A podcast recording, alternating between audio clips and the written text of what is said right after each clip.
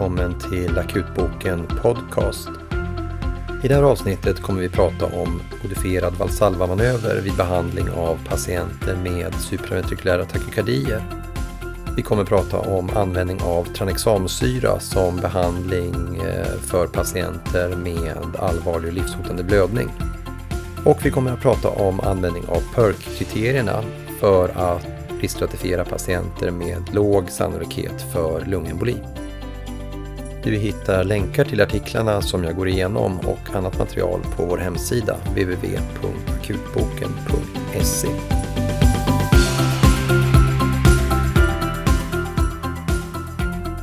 Patienter som inkommer akut med supraventrikulära rentritakykardier är oftast tacksamt att behandla då vi nästan alltid lyckas få dessa patienter att slå om till sinusrytm. Ibland kan vi lyckas få rytmrubbningen att slå om genom att be patienten att krysta eller genom karotesmassage för att öka det vagala påslaget. Det är dock relativt sällan som detta fungerar och vi går då ofta över till att ge patienten adenosin intravenöst för att bryta arytmin. Många patienter upplever dock adenosininjektionen som mycket obehaglig då den ger tryck över bröstet, andningsbesvär och ofta en känsla av att hjärtat stannar kortvarigt i samband med omslag till sinusrytm. Även om adenosin har mycket kort halveringstid och symptomen försvinner inom 30-60 sekunder så önskar många patienter att vi hade andra behandlingsalternativ än adenosin. Ett sådant alternativ är den modifierade Valsalva-manövern som publicerades i Revert-studien 2015. Metoden innebär att patienten sitter i sängen och blåser i ett rör som ger cirka 40 mm kvicksilver motstånd under 15 sekunder och sedan läggs ner plant samtidigt som någon lyfter patientens ben 45 grader upp. Revertstudien visar att drygt 40 procent av patienterna som behandlades med den modifierade Valsalva-manövern slog om till sinusrytm utan att behöva läkemedel eller annan behandling. I studien användes en manometer som patienten blåste i, men författarna visade också att det fungerar lika bra med en tom 10 ml injektionsspruta som patienten blåser i till kolven rör sig, då detta ger motsvarande mottryck om cirka 40 mm kvicksilver. Nu under 2018 kom en ny studie kring den modifierade Valsalva-manövern som publicerades i American Journal of Emergency Medicine som validerar Revert-studien. Patienter med supraventrikulära rentrutakykardier randomiserades antingen bara att blåsa mot motstånd, det vill säga krysta, eller till att genomgå den modifierade Valsalva-manövern. I gruppen som fick bara krysta slog eh, cirka 10% om till sinusrytm, men i gruppen som behandlades med modifierad Valsalva slog 43% om till sinusrytm inom en minut. ingen av studierna kring modifierad Valsalva noterades några allvarliga biverkningar av metoden. Sammanfattningsvis är den modifierade Valsalva-manövern en effektiv, enkel och säker metod för att få patienter med supraventrikulära rentrutakykardier att slå om till sinusrytm och metoden fungerar på nästan hälften av patienterna. Jag tycker du ska prova denna behandling nästa gång du träffar en SVT-patient på akutmottagningen och du kommer ha en mycket nöjd patient om du lyckas få dem att slå om utan att behöva använda läkemedel eller annan behandling. På hemsidan hittar du en film som visar hur du genomför modifierad Valsalva. För de patienter som metoden inte fungerar på så är adenosin ett bra alternativ. Ge då initialt 5 mg adenosin som snabb intravenös injektion om patienten inte slår om kan 10 mg följt av 15 mg adenosin ges. I de flesta fall kommer du då få patienten att slå om till sinusrytm. Om patienten inte slår om till sinusrytm bör du överväga annan diagnos än SVT som till exempel 2T1-blockerat förmaksfladder eller överväga annan behandling. Om du ger adenosin, glöm inte bort att informera patienten om att strax efter injektionen kommer han eller hon att känna ett tryck över bröstet, andningsbesvär och känsla av att hjärtat gör ett uppehåll och att detta är förväntade symptom av läkemedlet men att det snabbt kommer gå över.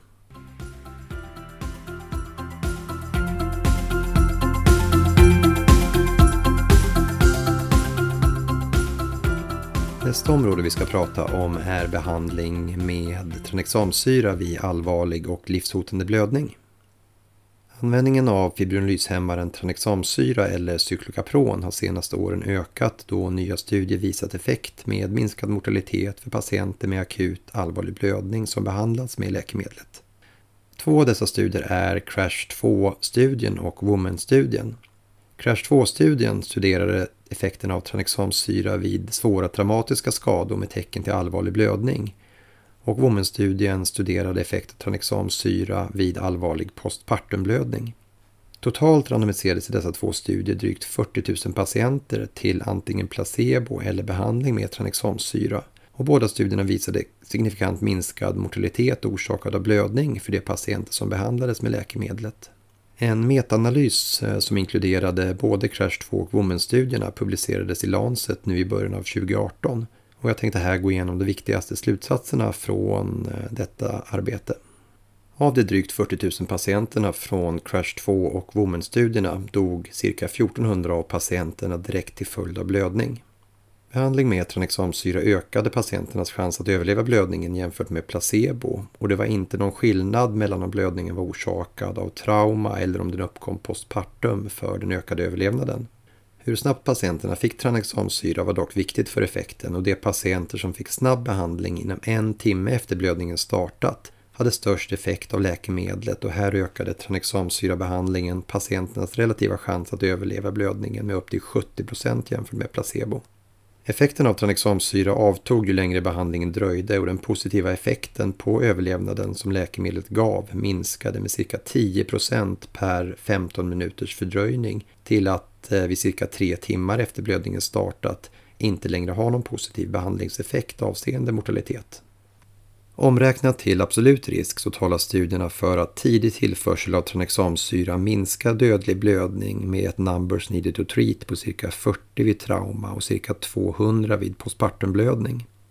Det har funnits en oro vid användning av tranexamsyra att patienter som behandlas med läkemedlet skulle ha en ökad risk att drabbas av blodproppar på grund av den hämmade fibrinolysen.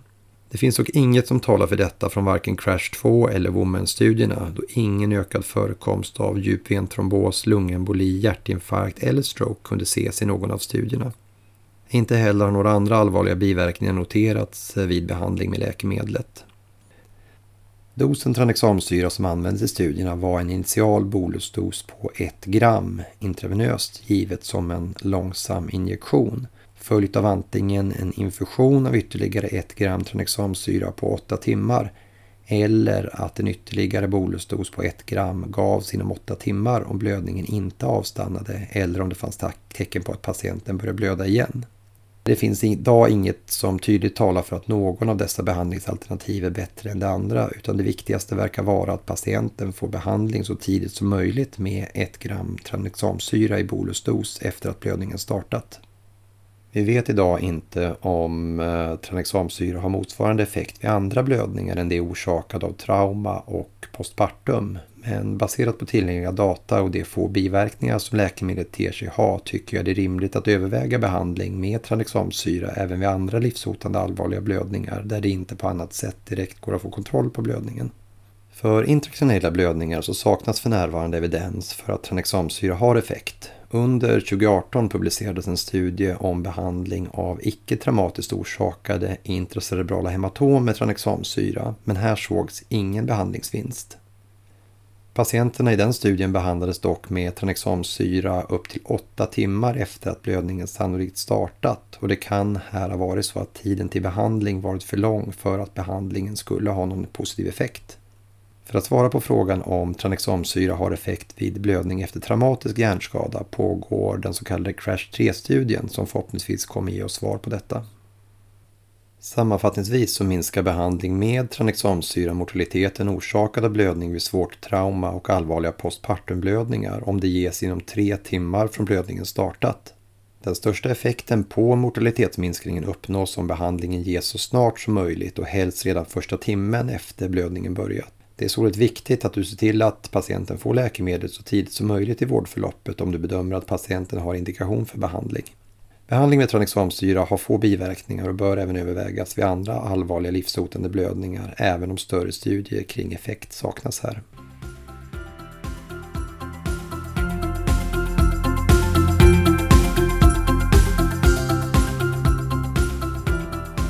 Ska vi prata lite om PERK-kriterierna som beslutsstöd vid låg sannolikhet för lungemboli. Lungemboli kan ibland vara en svår diagnos då symptom av lungemboli kan vara både ospecifika och överlappande med flera andra diagnoser.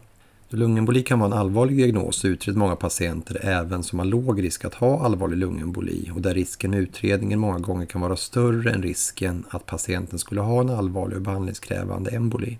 Det kan till exempel vara patienter med olika ospecifika obehag från bröstet, dyspnékänsla eller pleuritsmärta utan några avvikande objektiva fynd talande för allvarlig sjukdom, men där misstanken om lungemboli ändå uppkommit på något sätt. Riskstratifiering med Wellscore och DDmer är en bra metod för att undvika onödiga röntgenundersökningar, men för vissa lågriskpatienter kan Pulmonary Embolism Rule-out Criterias, eller PERC, användes istället som beslutsstöd för att undvika röntgen eller annan ytterligare utredning. En vinst med PERC är att eh, beslutsstödet inte kräver analys av DD-mer eller annan provtagning för att utesluta behandlingskrävande lungemboli. Den första studien om PERC publicerades för nu snart 15 år sedan och det finns därefter flera olika studier som stödjer användningen av PERC vid misstänkt lungemboli. PERC kan användas eh, för att avstå vidare utredning för patienter med låg klinisk sannolikhet för lungemboli och som uppfyller de åtta kriterierna i regeln. Kriterierna i regeln är ålder, max 50 år, hjärtfrekvens, max 100 per minut, saturation på rumsluft, minst 95 procent, ingen tidigare känd lungemboli eller DVT, ingen operation eller trauma med sjukhusvård senaste månaden, ingen hemoptys, ingen östrogenbehandling eller graviditet, ingen ensidig bensfullnad. Patienter som uppfyller alla kriterierna i PERC har låg risk att ha lungemboli, max 1-2 Och att utreda dessa patienter med skiktröntgenundersökning skapar betydande risker för falskt positiva fynd, onödig behandling med blodförtunnande läkemedel och risker sekundärt till stråldosen av röntgenundersökningen. Även om beslutsstöd som PERC inte helt kan utesluta att patienten ändå har en lungemboli finns det idag ganska mycket stöd i litteraturen för att om man ändå utreder den här typen av lågriskpatienter med DT-thorax så eh, är risken stor att man orsakar patienten mer skada än nytta. Den så kallade Proper-studien som publicerades i JAMA eh, nu 2018 är ytterligare en studie som stödjer användningen av PERC.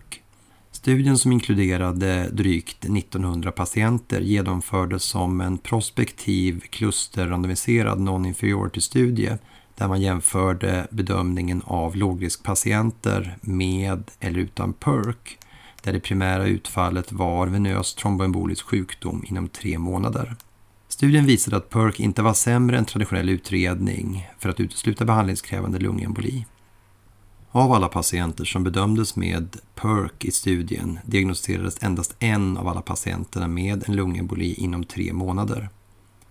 Lungembolidiagnosen för denna patient var dock något tveksam då både utredning med DT-lungartärer och ultraljudben bilateralt inte visar någon venös trombos utan först vid en efterföljande lungskintigrafi påvisades mindre subsegmentala perfusionsdefekter som bedömdes kunna vara orsakade av lungemboli och patienten behandlades därför med antikoagulantia.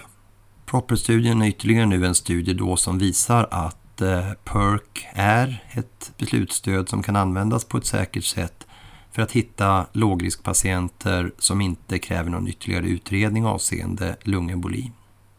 Vi gör idag sannolikt på många sjukhus i Sverige fler DT-lungartärundersökningar än vi behöver och detta innebär flera olika risker för våra patienter.